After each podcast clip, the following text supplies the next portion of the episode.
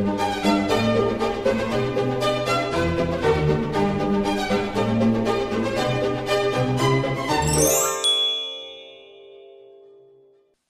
och välkomna till Kungligt med Jenny Alexandersson. och Sara Eriksson. Världen har ju förlorat en prinsessa och Carl Philip och Sofia avbryter ett samarbete efter en stor skandal. Harry och Meghan firar två år som gifta och prinsessan Eugenie har inspirerats av den svenska kronprinsessan Victoria. Ja, och i Norge så fick vi åter se den norska kungafamiljen. Sara Ferguson har lanserat barnböcker och drottning Elizabeth hon har avslöjat vilken som är hennes favoritblomma. Här i Sverige så blir det ett annorlunda nationaldagsfirande. Men vi kan räkna med att se kungafamiljen. Ja, vi har ju en hel del att prata om trots att det inte ens gått en vecka sedan vi pratade sist. Kungligt. Så är det och vi fortsätter ju spela in eh, podden på distans. Det är därför ljudet är lite, lite annorlunda men vi hoppas ni har överseende med det. Jag hoppas ju att vi slipper renoveringsljuden från mina grannar. det har hänt i tidigare avsnitt och jag räknade faktiskt Jenny och det här är tionde avsnittet som vi spelar in på distans. Det är inte klokt. Jag saknar klokt. att se dig i studion kan jag säga. Och jag saknar att se dig. Det blir ju ett helt annat samtal när man har ögonkontakt och det blir en helt annan grej att få gå in i en studio. Vi sitter ju här nu på, på varsitt håll fast i samma stad. Och babblar. Och babblar. Babbla på. Men, eh, Ja, men det är kul att vi ändå kan fortsätta och släppa avsnitt och det är väldigt roligt att ni fortsätter lyssna. det tycker jag också. Yes, men det är väl lika bra att vi kör igång nu. Vi har ju så många ämnen att avhandla idag så att vi startar. Vi kör. Yes. Ingen har nog missat det, men förra veckan så erkände tv-profilen och entreprenören Paolo Roberto att han köpt sex. Och det är flera företag som han har jobbat tillsammans med som nu bryter samarbetet med honom. Med all rätt kan man ju säga. Och det är många butiker som har slutat köpa in hans produkter, till och med plockat ner dem från butikshyllorna. Mm. Och eh, Paolo han hade ju då en kunglig koppling kan man säga för han var ju tidigare en, front, en av frontfigurerna för prins Carl Philip och prinsessan Sofias stiftelse och deras arbete för dyslexi. Och eh, den här stiftelsen den bildades ju i samband med prinsparets bröllop i juni 2015. Och deras vision det är ju då att alla barn och unga ska ha möjlighet att få vara sig själva och de fokuserar då på två saker. Det handlar ju dels om en tryggare och schysstare eh, miljö på internet. Det är deras kampanj då Nej till näthat. Samt en ökad respekt och förståelse för alla med dyslexi. Och då har de ju lanserat det här eh, dyxles, dyxle, dy, vad heter man? Dyx, Dyslexialand. Va? Ja, precis. Och eh, där var ju då Paolo Roberto för den sistnämnda en av frontfigurerna.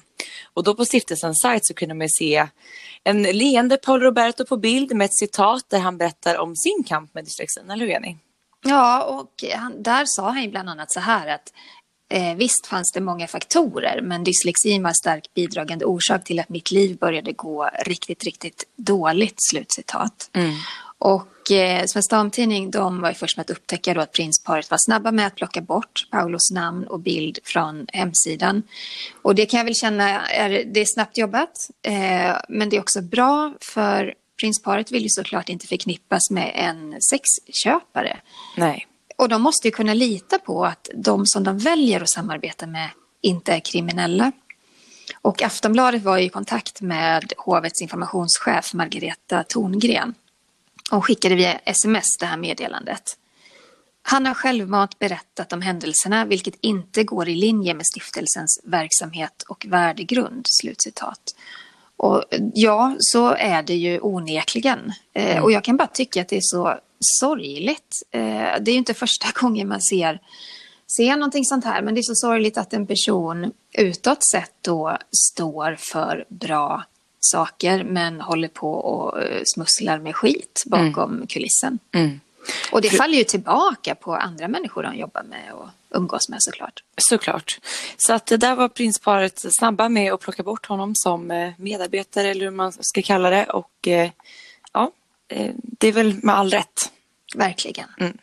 För att eh, prata om något, eh, ett mer härligt ämne och eh, lite gladare inslag än det här hemska som Paolo har bidragit med så är det ju som så att när vi spelar in den här podcasten så är det också lite tidigare än vad vi brukar spela in och det är på grund av Kristi himmelsfärd och allting. Men när vi spelar in det så är det heller inte vilken dag som helst utan det är den 19 maj.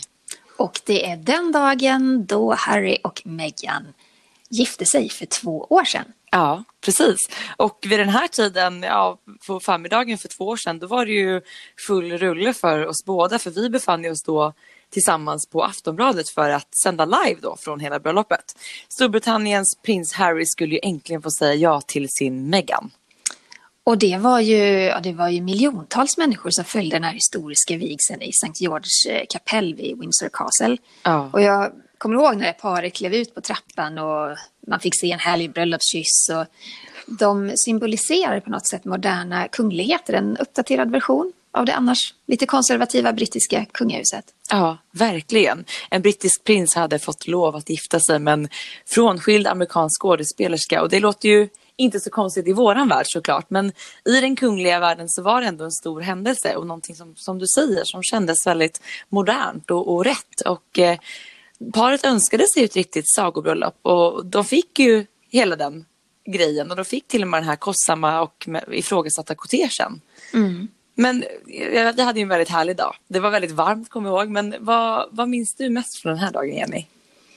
Ja, men det är alltid väldigt speciellt med sådana här riktigt stora kungliga bröllop. Det samlar så många. Jag tror att om man ska räkna med alla tv-tittare och eh, folk som var där, alltså det var nog över en halv miljard som såg dem. Ja. Och jag minns att jag tänkte att det här paret har ju alla möjligheter att skapa något alldeles eget i det brittiska kungahuset. De står för någonting modernt och någonting nytt. Och jag tänkte att Meghan, hon skulle bli ett friskt inslag i kungafamiljen och att eh, prins Harry nu äntligen hade hittat hem. För att han såg så oerhört lycklig ut. Och jag minns att jag tänkte att nu börjar ett helt nytt kapitel i hans liv. Och med allt det jobbiga bagage han burit med sig så är han verkligen värd det. Och så blev det också, men kanske inte riktigt som man hade tänkt. Nej. Och jag minns att det var, det var ju otroligt fint väder, både här i Sverige och också i, eh, i Storbritannien. Och en sån detalj som jag plockade med mig, det var ju att eh, Megan hade ju valt att sy fast så blomdetaljer i den här fem meter långa vita silkesslöjan som hon bar. Och eh, det var då 53 stycken blommor som alla då representerade de här 53 länderna i det brittiska samväldet. Och det på något sätt kändes ju som att hon, likväl som att världen öppnade armarna för Meghan, så kändes det också som att Meghan öppnade armarna för den här kungliga världen och det brittiska samväldet som också liksom mm. kungahuset på något sätt är en symbol för i Storbritannien. Eh, det var väldigt fint och eh, som du sa Jenny så jag tyckte också att paret såg så himla lyckliga lyckliga ut och väldigt lugna i den här situationen. Det är en, mm. många blickar på dem och en stor händelse men just det här lugnet och tryggheten. Och jag tyckte även att det var väldigt fint att Meghan skred fram till altaret ihop med Harrys pappa då, prins Charles, eftersom att Meghans far själv inte närvarade vid bröllopet efter då alla bråk och turer och, och sjukdomstillstånd och allt vad det, vad det var. Ja, och det, det kändes ju väldigt självklart på något vis. Ja. Eh, man hade inte kunnat ana att det, att det här paret knappt två år senare skulle storma ut ur kungahuset. Nej, och om man tänker där då så ville de ju ha den här det här stora bröllopet. De ville ju ändå ha den här mediala uppmärksamheten som den typen av bröllop bidrar till. Det var ett storslaget mm. bröllop. Det var liksom ingen liten tillställning som man ändå kan tänka sig när man tittar i backspegeln att de kanske hade velat ha det. Utan det var ju, var ju ett självklart val från parets sida. Mm. Mm. Men eh, om man tittar i backspegeln så, eh, alltså den här förändringen, den kom ju inte som en blixt från klar himmel, utan det är ju så att Harry är väl den av bröderna som har varit mest öppen med att han, han har svårt för fotografer, han har svårt för media och han kopplar ju detta mycket till vad som hände hans eh, mamma, prinsessan Diana, när hon eh, dog i en olycka 1997. Och redan, jag tror det var 2017, så i en intervju med tidningen Newsweek, då antydde ju prins Harry att han, eh, han inte riktigt tyckte om att vara en del av den kungliga familjen. Eh, och han, han sa någonting då om att ja, men vi är involverade i att modernisera den brittiska monarkin. Vi gör inte detta för oss själva utan för folket. Och han hade fått frågan då om det är någon i den kungliga familjen eh, som vill bli kung eller drottning. Mm. Och då hade han ju svarat helt ärligt att jag tror inte det, men vi kommer att utföra våra uppgifter vid rätt tidpunkt. Just det. Ja. det, det säger väl ganska mycket om hans inställning Mm. till, eh, till kungahuset. Men på ett sätt är det ändå bra att lyfta det för att uh, Meghan blir ju i mångt och mycket den som blir så här utskriven eller utmålad som liksom en ny Wallis Simpson. Som att det är hennes fel att allting sker och att det inte sker någon, något samspel med Harry. Och man får inte heller glömma bort att han har varit väldigt öppen och tydlig med den här ska man säga, att han har känt obehag inför vissa situationer redan innan hon klev in i hans liv. Det svåra här är väl att eh, hon vet ju, hon känner ju världen utanför kungahuset utan och innan. Ja. Det svåra för honom är ju att när han tar det beslutet att lämna så har han ingen aning om vad han ger sig in i. Nej, Eh, eller ger sig ut i. ge sig ut i snarare. Ja, ja precis. Eh, utan det är, ju, det är ju en helt ny värld för honom såklart. Ja. Och när paret då, det var ju nästan på pricken ett år efter bröllopet, fick sin son Archie så valde ju de heller inte att ge honom son, alltså sonen titeln Earl of eh, Dumberton, vilket han blev tilldelad. Och det kan man ju också tänka sig att man redan där borde ha förstått var, var det skulle braka iväg. Ja, Ja. ja. men precis. Och numera så bor ju paret i Los Angeles och eh, de har ju själva valt att inte längre utgöra en del av kungahuset. Ja, fast det, där vill jag nog lägga in en brasklapp. Ja. De, de, för de ville ju kliva ut ur det här kungliga livet. Men Ja. i det här första brevet eller första pressmeddelandet de skickade ut så, så, så menar de ju på att de skulle fortsätta vara kungliga och stå med ena foten, Mm. alltså en fot i båda världarna. Så det är egentligen drottning Elisabeth som har tagit det beslutet att de ska lämna kungahuset helt. Men där undrar man ju, precis som du säger, att eh, de vill ju först då tituleras som senior royals och bara backa lite men fortfarande tjäna drottningen. Det är ju helt rätt. Men vad hade de tänkt då? För man kan ju tänka sig att LA redan då fanns med i, i tankarna men att det kanske utåt sett lät lite bättre att först flytta till Kanada. Det är lite den uppfattningen jag har fått i alla fall, att det kändes som att LA skulle ha slagit lite väl hårt. Ja, det, det tror jag med. liksom att det vi där drar till Los Angeles. strategiskt, Ja. strategiskt beslut. Eh, men just att hade de då tänkt att de skulle bo i LA och sen klippa lite band åt drottning Elizabeth lite här och var men ändå få spela in det. Disney-filmer. Vad... Jag tror att de såg framför sig en eh, eh, väl avvägd mix av det kungliga livet och eh, det privata livet. Ja. Men, eh, men jag menar, det är ju omöjligt. Det är ju helt och hållet omöjligt. Så att deras syn var väl ganska naiv i det. Men- det går ju inte att lyckas med en sån. Nej, och där menar jag, jag förstår att Meghan då som kan, hon har ju bara varit en del av familjen då i ja, tre år lite drygt blir det väl. Men att eh, Harry borde väl kanske ha lärt sig och förstått sedan barnsben hur det funkar och vilka regler det är som gäller och framför allt hur man eh, håller sig god, på god fot med det brittiska folket. Mm. Men eh, ja, som sagt, nu firar de två år som gifta i Los Angeles. Ursäkta mig. Ehm, Det hostas ja, det och har- borras och det är lite så Ja, där. men precis. Ja, nej men precis. Nu bor de i Los Angeles och eh, de bor i en stad där det finns eh, tusentals paparazzis, det som de vill undvika. Men ja, det var deras val. De ska tjäna nu sina egna pengar i och med att de, det har blivit så att eh, drottning Elizabeth fick ta beslutet åt dem att det blir inget mer den här eh, ta rus, plocka russinen ur kakan situationen. Och eh, i samband med bröllopet för två år sedan så fick de ju även ta över Frogmore Cottage vilket är en väldigt stor och fin villa för de inte ville bo på Kensington Palace. Och eh, paret fick ju då totalrenovera den här villan och flytta in i sitt då drömhem. Men i samband med den här brytningen med kungahuset så blev det ju bestämt att det här paret de ska betala tillbaka den del som bestod av skattepengar Mm. som stod för renoveringen. Och nu har de då börjat betala tillbaka de pengarna. Det sker inte i en klumpsumma utan det sker med 200 000 kronor i månaden. Och i den pengen ingår även hyra som de numera ska betala då till drottning Elizabeth. Och eh, jag tror det var i Daily Mail jag först läste om det, men den tidningen hade gjort en uträkning att det kommer ta 11 år för Meghan och Harry att betala av skulden om de ska hålla, i, hålla det här tempot. Och i samma artikel så avslöjades det också då att Harrys pappa, prins Charles, fortfarande skickar pengar till sin son. Ja. Men framöver så räknar ju alla med att Harry och Meghan ska dra in sina egna pengar. Det kommer de inte ha några problem med att göra. Nej. De är ju liksom the it. Jag läste någon så här artikel, det var också någon på någon brittisk sajt så här att kommer eh, Meghan Markle att bli världens största influencer nu? Eh, ja, Kanske. Alltså, jag menar på, kanske det. Om det är det de är ute efter. Det skulle kännas jättetråkigt om det är så. Mm. Jag funderar också på, för hon är ju tydligen inriktad på att hon vill börja spela in film igen. Ja. Ehm, hur kommer det... Alltså, vilka roller skulle hon kunna ta när hon ändå Ja, men- har den här kungliga kopplingen? Det blir jättesvårt. Ja, men helt plötsligt så liksom räknas väl hon in i den här riktiga skådespelerska eliten och kanske kan få de flesta erbjudanden, tänker jag, just för att de vet att om vi bara sätter in henne här så kommer det sälja som, som Ja, det kommer ju dra så Ja. mycket folk. Men hon kommer ju inte kunna göra nakenscener. Hon kommer inte kunna det vore göra... lite så konstigt. Ja, men jättekonstigt. Det är så mycket hon inte skulle kunna göra. Men, film, men det som är så, det man tänker på när man hör hela det, man tänker tillbaka på hela deras story och det här glada eh, bröllopet och allt det där. Man får ju riktiga såna här Grace Kelly-vibbar. Just den här skådespelerska längtan och Mm. kungliga guldburen som inte passade alls och så vidare. Det är liksom lite Mm. de vibesen ändå. Ja, men verkligen. Mm.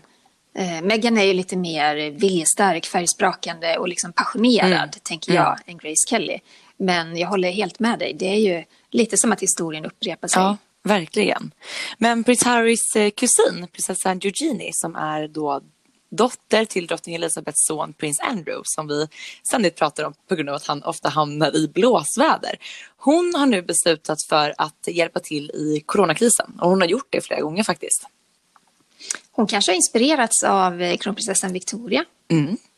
För tillsammans med sin man Jack så har hon packat matlådor som delas ut till behövande i krisen via Frälsningsarmén. Mm. Och hon har ju gjort något uttalande där också för att hon, hon har konstaterat eh, att eh, Frälsningsarmén har funnits där sedan 1865 med öppna dörrar för att hjälpa så många människor.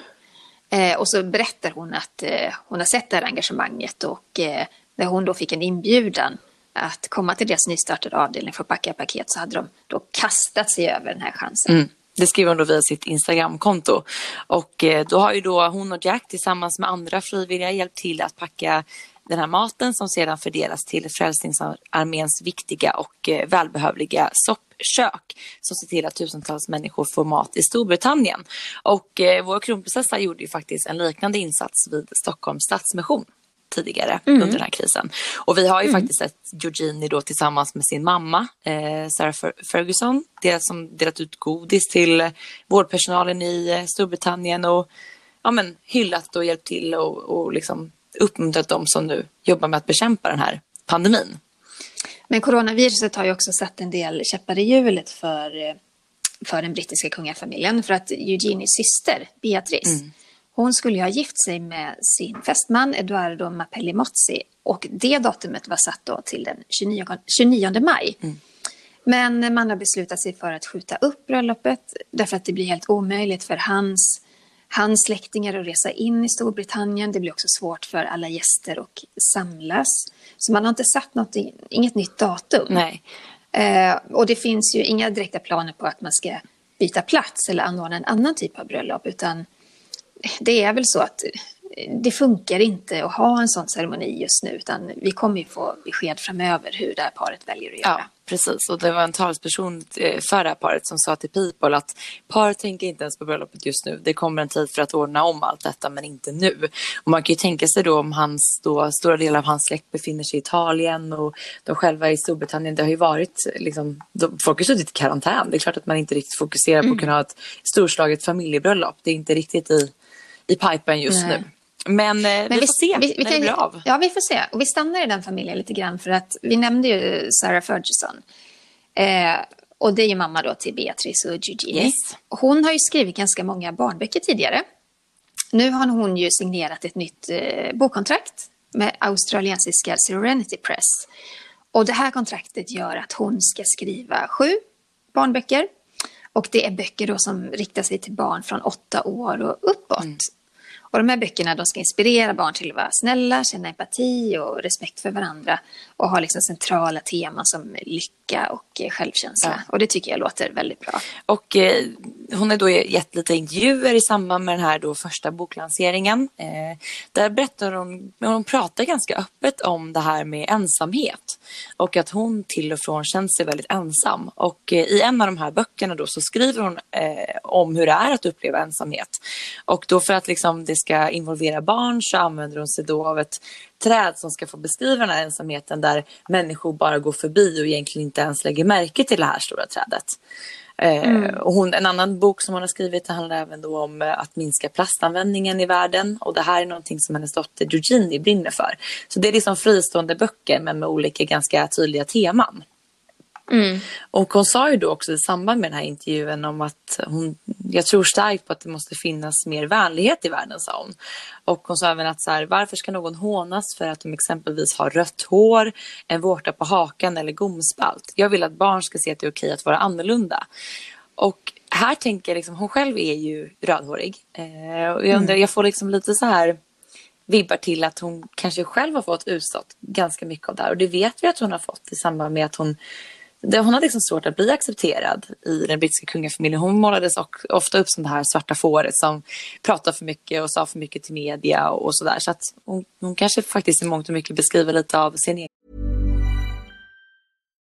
The number one selling product of its kind with over 20 years of research and innovation. Botox Cosmetic, out toxin A, is a prescription medicine used to temporarily make moderate to severe frown lines, crow's feet, and forehead lines look better in adults. Effects of Botox Cosmetic may spread hours to weeks after injection, causing serious symptoms. Alert your doctor right away as difficulty swallowing, speaking, breathing, eye problems, or muscle weakness may be a sign of a life threatening condition. Patients with these conditions before injection are at highest risk. Don't receive Botox Cosmetic if you have a skin infection. Side effects may include allergic reactions, injection site pain, headache, eyebrow and eyelid drooping, and eyelid swelling. Allergic reactions can include rash, welts, asthma symptoms, and dizziness. Tell your doctor about medical history, muscle or nerve conditions including ALS or Lou Gehrig's disease, myasthenia gravis, or Lambert-Eaton syndrome and medications, including botulinum toxins, as these may increase the risk of serious side effects. For full safety information, visit BotoxCosmetic.com or call 877-351-0300. See for yourself at BotoxCosmetic.com. känsla. Ja, men det är nog mycket egen erfarenhet som ligger i de här böckerna. Eh, jag vet inte så mycket om hennes barndom, så där har jag svårt att säga någonting om det. Men, men det är ju som du säger att hon har ju fått kämpa för att få någon slags respekt. Och det har ju varit perioder i hennes liv i kungafamiljen där det inte funnits någon respekt alls. Och jag tänker bland annat på hela den här historien med skilsmässan och hur hon fångades på bild då med en älskare som sög på hennes tår. Ja, just det. Alltså det, blev, det blev så fruktansvärt rabalder. Men också, som ligger lite närmare i tiden, att hon försökte då sälja ut kungafamiljen. Mm.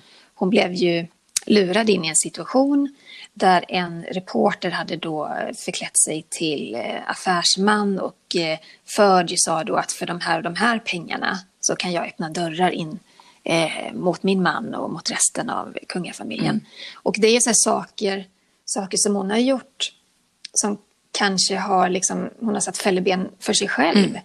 Mm. Men det är klart att då har ju respekten och definitivt eh, respekten har försvunnit men också har det väl kommit en ensamhet i samband med det också i och med att hon faktiskt blev mer eller mindre utfryst i kungafamiljen. Mm. Men det jag kan inte låta bli också känna så här, är det så här en rad av ärlighetskyssar vi ser gentemot det brittiska kungahuset just nu? Harry och Meghans bok lär ju slå rekord och den öppnar ju upp för att vi kommer få ta del av detaljer och grejer som kanske inte borde lämna det brittiska kungahuset huset och sen nu då Sarahs böcker som förvisso är barnböcker men ändå belyser den här vikten av snällhet och, och acceptans och det är väl lite det Meghan tidigare intervjuer har öppnat upp för att så här, det är ingen som har frågat mig hur jag mår eller det är ingen som har sett mig riktigt så att man får lite de vibarna även om det är två helt olika böcker. Vi får se. Mm. Vi får se. Ja. Det ska bli spännande att läsa. Jag ser fram emot den här, de här två böckerna om Meghan och Harry. Faktiskt. Ja, verkligen. För det kommer ju även en bok i, i höst som eh, är skriven av en kvinna som eh, inte verkar stryka det här paret medhårs. Så. Den är nog lite mer avslöjande och lite hårdare mot paret. Så man kan säga att det, det, är liksom två böcker, en släpps i augusti, sen en lite senare i höst. Jag tror att det är nog ganska två motpoler, skulle jag säga. Mm. De kommer nog inte man får riktigt... läsa båda, helt Det får man göra, för att kanske någonstans landa i mitten. Det tror jag blir bra. Mm. Mm. mm. Men vi ska också prata om sorg Ehm, det är nämligen så att världen har förlorat en prinsessa. Det är prinsessan Maria Petrovna Galitzine som bara var 30 år gammal när hon avled. Och det här är ingen prinsessa man kanske känner så väl. Eh, men hon var dotter till, dotter till prins Piotr Galitzine och ärkehertiginnan Maria av Österrike. Och det betyder att hon är barnbarn till Karl den förste, Österrikes sista kejsare. Mm. Och Maria hon föddes ju då i Luxemburg efter att hennes gamla föräldrar tvingats lämna Österrike i samband med första världskriget. Och eh, prinsessa Marias liv har inte präglats av hennes kungliga bakgrund alls utan hennes syster prinsessan Tatina har berättat i en intervju med The Houston eh, Circumcise att eh, de. Eh, Chronicle? alltså snälla. nu kommer vi till namnen igen. Det är inte min ja. grej. Men hon har då berättat att hon hade en helt normal uppväxt och att egentligen enda gången som de blev påminda om sin kung... Hör du mig? Är du kvar? Det ringdes här, ska vi se. Ja.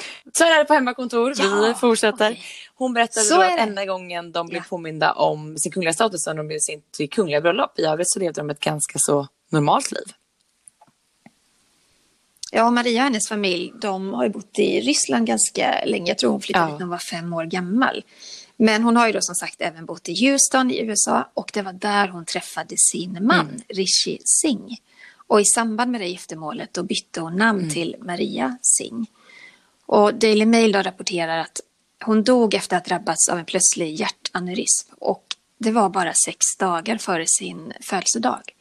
Så hon avled på morgonen Usch, så hemskt. Och eh, familjen mm. har ju då skrivit en dödsannons eh, där de då skriver snälla be för Maria. Så att eh, det här är ju otroligt tragiskt. Ja, och hon hade ju en liten son som hette Maxim och var två år. Eh, som hon hade då med sin make. Så att det, nej, väldigt, en tragedi. Väldigt hemskt. Det är alltid så svårt tråkigt. att gå över till ett mm. annat ämne när man har pratat om någonting så så sorgligt och så tungt. Det är liksom en svår övergång. Ja, det men här vi. hoppar vi från högt till lågt. Yes. Eh, kungaparet mm. här i Sverige befinner sig ju som vi pratat om tidigare sedan en tid tillbaka på Stenhammars slott utanför Flen. Och där är ju nu även kungens syster Birgitta. Eh, ja, hon har, hon, hon har flyttat, flyttat därifrån. därifrån nu faktiskt. Ja, för att hon bor numera i München eh, med, hos sin ena son. Men hon, jag tror hon var det ganska länge. Ja, vi såg henne, prinsessan Birgitta bland annat, när kungen fyllde år. Då var ju hon med ute där på trappen i Stenhammar. Eh, men hon mm. bor ju vanligtvis i Spanien, ska ju sägas. Och hon tog sig då till Sverige innan pandemin bröt ut och Spanien införde utegångsförbud. Men som sagt, nu är hon då i. München. Mm. Det var mer än vad jag visste. Det är bra Jenny. och eh, kronprinsessan Victoria och prins Daniel de jobbar ju på hemmet från Haga slott och har deltagit i flera möten och konferenser online. Och eh, kronprinsessan hon har ju faktiskt hållit flera tal under krisen via videolänk. Mm. Och vanligtvis så är ju kungen och kronprinsessan de som arbetar mest i kungafamiljen och de är ansiktet utåt för kungahuset. Men sen tog ju kungen där beslutet att skala ner det kungliga huset. Eh, och det har ju blivit ännu mer fokus på kungen och kronprinsessan mm, mm. efter det. Men sen när coronapandemin kom och lamslog hela världen, då har vi inte sett kungen och kronprinsessan tillsammans. Eh, därför att man tog beslutet att de ska inte jobba tillsammans, kungen mm. är i riskgrupp. Och man vill också vara säker på att man har en frisk statschef, man har ja. en frisk tronföljare.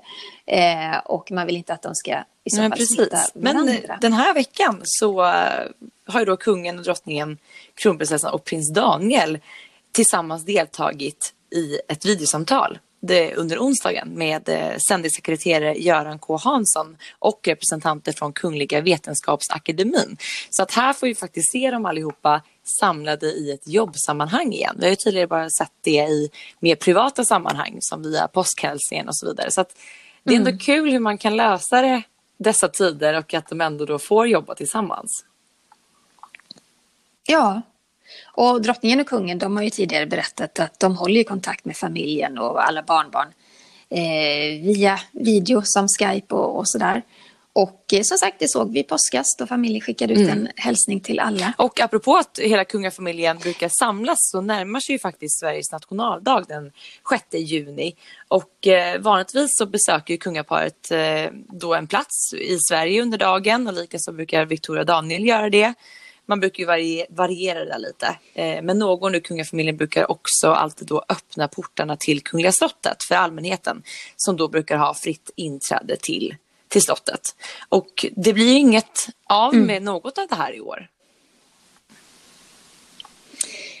Nej, så blir det ju inte därför att eh, man kan ju inte heller ha ett öppet slott och samla massa folk när Nej. det finns restriktioner kring hur stora grupper får vara.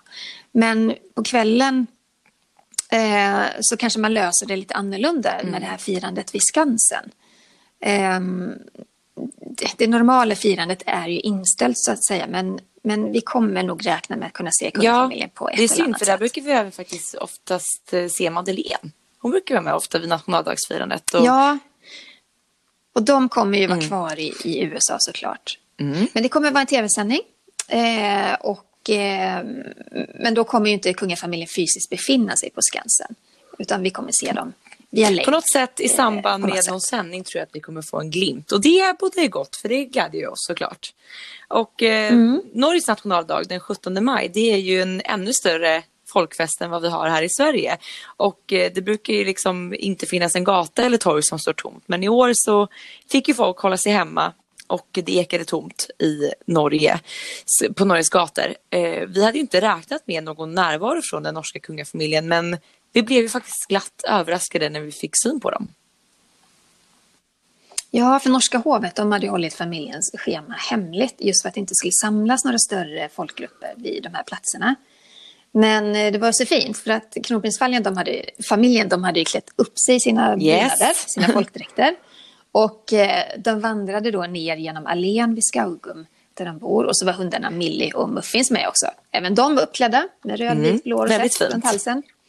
Och så hade man gjort så snillrikt då att 49 eh, människor hade samlats med avstånd till varandra för att vinka till familjen. Så det var ändå, ja, det var ändå lite publik där. Och eh, norska folket de blev ju väldigt glada då när kungafamiljen helt plötsligt dök upp också då på slottsbalkongen i Oslo efter en eh, kortege i bil. Och eh, kungaparet stod ju då väldigt långt ifrån övriga familjen just för att ja, men, hålla avstånd, leva som man lär. Och sen så sjöng ju då alla nationalsången tillsammans. Ja, för det var, det var väldigt fint det man hade anordnat. Man hade sagt då i, i hela Norge att klockan 13.00 så, så sjunger hela norska folket nationalsången tillsammans. Och då var det ju fint att kungafamiljen kunde stärka upp ja, där. skänka lite hopp och värme i den här tiden. Och eh, prinsessa Märta-Louise hon närvarade mm. ju då inte tillsammans vid familjens firande. Eh, men via sina två Instagramkonton så delade hon ju ganska flitigt med sig av bilder under dagen. Och där var också hela familjen uppklädda i folkdräkt och viftade med norska flaggan. Mm. Och sen hade hon lagt upp en bild på sig själv också. Eh, det var en sån här vanlig eh, mm. selfie, jättefin. Hon stod där i, i, sin dräkt.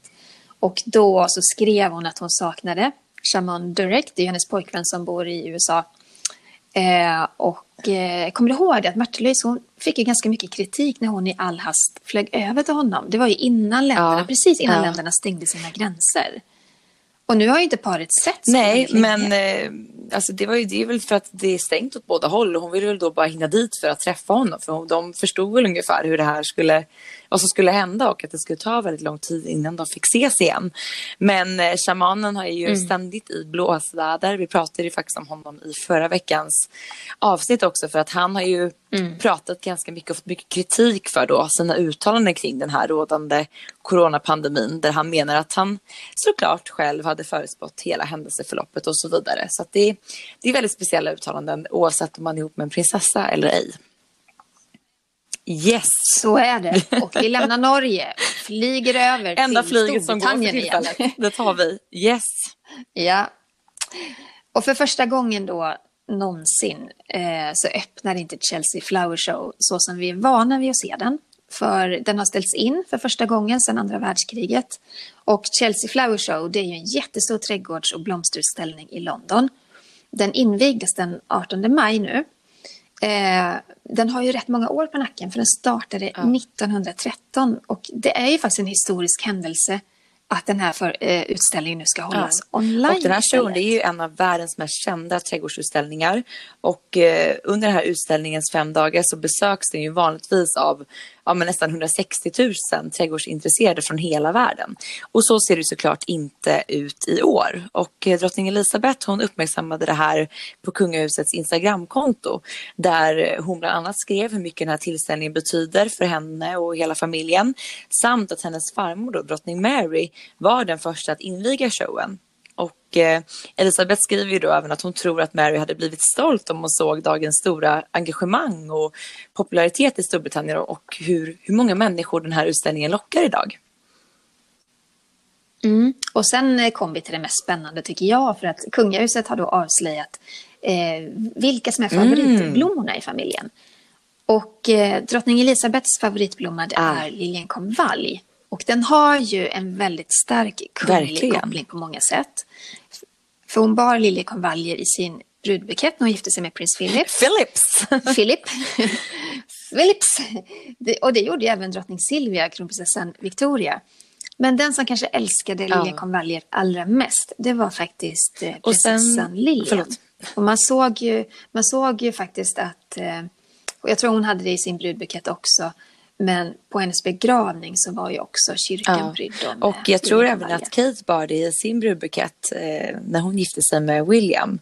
Eh, jag vet att det finns speciella eh, Molton Brown till exempel, det brittiska parfym och, och tvålmärket. De har ju så här, någon special, de har en doft med liljekonvalj och då ska de vara plockade på samma ställe som Kates brudbukett mm. plockades. Så det är en riktig sån royal koppling. Ja, verkligen. Wow. Men vilken var prins mm. Charles favoritblomma kan man ju undra. Ja, men han gillar riddarsporre. Du vet de här lite högre blå. De kan, de kan vara blå, de kan ha andra Jag tror jag vet vilken det är. Ja. Camilla, ja, Camilla hon gillar jättedaggkåpa. Det är lite så lägre grön växt. Ja, daggkåpa mm. kanske de flesta vet hur det ser ut. Um, Prins Edward och Sophie, de har azalea som favorit, favoritblomma. Och prinsessan Anne hon älskar julrosor. Så det är en salig blandning. Här alltså Azalea, det är tur att de är två som tycker om samma blomma. För jag brukar skoja och säga att om jag ska ha en sån blomma då måste jag ta tjänstledigt. För den kräver så mycket tid. ska ju vattnas hela tiden. ja. Men blommor som inte är så stora favoriter bland kungligheter, det är tydligen tulpaner. För vår eh, svenska kung, han har sagt att han ogillar dem därför att de gnisslar så mycket. Va? Jag tycker just att det är det här krispiga som är så ja. läckert med tulpaner. Det känns så här krispigt och fräscht. Ja, vårigt och härligt. Det gillar inte kungen. Men det, kan, men det kanske inte finns så mycket tulpaner ute Nej. på Drottningholm på Jag vet vårarna. inte, det finns en väldigt fin trädgård i alla fall. Jag vet inte. ja, vad härligt. Glöm inte heller att prenumerera på podden. Du kan klicka på prenumerera-knappen så missar du inget avsnitt. Och Kungligt det släpps varje fredag. Yes, det gör den. Och eh, vi har ju fått in lyssnarfrågor och skicka gärna in fler frågor till kungligtaftonbladet.se. Och Rebecka hon skriver så här. Hej, jag har hört någonstans att kungligheterna i Storbritannien inte får ha färgat nagellack. Något som Diana och Meghan gått emot. I Sverige ses både kronprinsessan och prinsessan Sofia med färgat nagellack. Vad är det som gäller? Eh, ja precis, i Sverige så kronprinsessan bär ju väldigt ofta färgat nagellack, lite så här korallfärgat ser vi ofta henne ha. Och eh, jag skulle säga så här att när Diana gick emot den här, eh, ska man säga, klädkoden så tror jag att det var en större grej. År 2020 så känns det som att eh, kvinnorna får välja det stilgreppet själva ifall att de väljer att ha målade naglar eller inte. Och framförallt här i, inom den svenska kungafamiljen så är det ingen som sätter sig emot det och jag tror faktiskt att det börjar lättas upp även i Storbritannien också. Den enda vi kanske inte får se i svart eller mörkrött eh, nagellack, eller neon, det är väl drottning Elisabeth då kanske? Jag skulle bli förvånad ifall att eh, vi såg drottning Elisabeth med sån gellack, lite långa kantiga naglar. Det kommer nog inte Nej. att ske. Nej. Eh, nästa fråga är, det är Karin som skriver, hon skriver så här. Hej, jag undrar om Carl Philip får tjäna pengar på samarbetet med Oskar Kylberg. Ja, Carl Philip han har ju ett designföretag med sin eh, kollega Oskar Kylberg och eh, ja, han får tjäna pengar där. Och det blir extra viktigt för honom nu när kungen har tagit det här beslutet att eh, krympa det kungliga huset och också ta ner antalet på det som har tillgång till apanaget.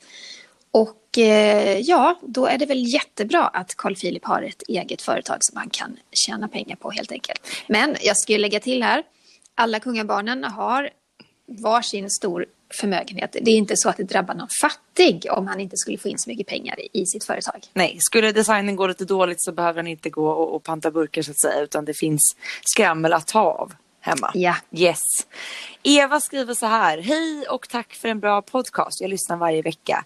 Jag undrar om ni vet hur Victoriadagen kommer att firas i år? Ja, det blir helt klart någonting annorlunda jämfört med tidigare år. Eh, självklart går det inte att samla så otroligt mycket folk på Soliden som, så som det brukar vara. Det kan ju vara flera tusen tillresta turister och ölänningar som samlas där. Eh, man hade ju tänkt att från början ändra spelplats för den här tv-sända tillställningen som är på kvällen och ha den vid eh, Borgruinen. Just det, nytt för i nu, år skulle det bli. Ja. ja, det skulle bli nytt för i år. Eh, frågan är hur man löser det. Kanske blir det en tv-sändning utan stor publik. Eh, jag tror ändå att vi på något sätt kommer se kungafamiljen.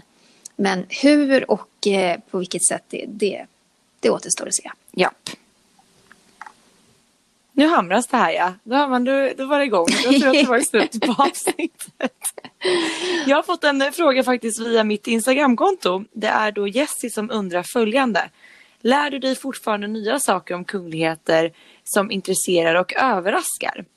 Och jag skulle säga att ju mer man följer eh, de kungliga och ju mer man läser om det, desto mer överraskar man sig och blir förundrad över såväl historiska som nya händelser. Och också så här, ju mer man lär sig desto mer inser man också att man aldrig kommer att kunna bli fullärd för det finns så otroligt mycket att ta in. Och jag tycker det är nog det som också alltid har gjort att jag har fascinerats över det här. Det är så, så mycket historia och så mycket, mycket att ta in. Jag tycker det är väldigt, väldigt intressant. Och som vi har pratat om tidigare Jenny så befinner vi oss också just nu i någon situation där de här gamla konservativa kungahusen ska liksom in i en mer modern mall, att liksom följa tiden och det är ju väldigt, väldigt intressant och spännande. Ja men det är det, för att ett kungahus är ju av tradition lite mer konservativt och, och slutet därför att man håller på gamla traditioner och det, det finns ju en poäng med att göra det. Men så ska man samtidigt då hänga med i den här snabba, eh, den snabba tid vi lever i nu och då gäller det att hitta någon balans och det tycker jag är ganska fascinerande att följa. Till exempel så är ju bröllopet mellan prins Harry och Meghan en del av att modernisera ett kungahus, deras steg ut i kungahuset. Mm. Alltså det är mycket intressanta saker som händer och också kungens beslut nu om att krympa det kungliga huset och hur det då går liksom för barnbarn och och eh, så vidare. Det är jättespännande. Men det är det som blir så häftigt då när man, liksom, man följer den här moderna utvecklingen. Man följer ett kungahus som särskilt i Sverige då följer tiden, för Sverige-tiden som vår kung själv säger.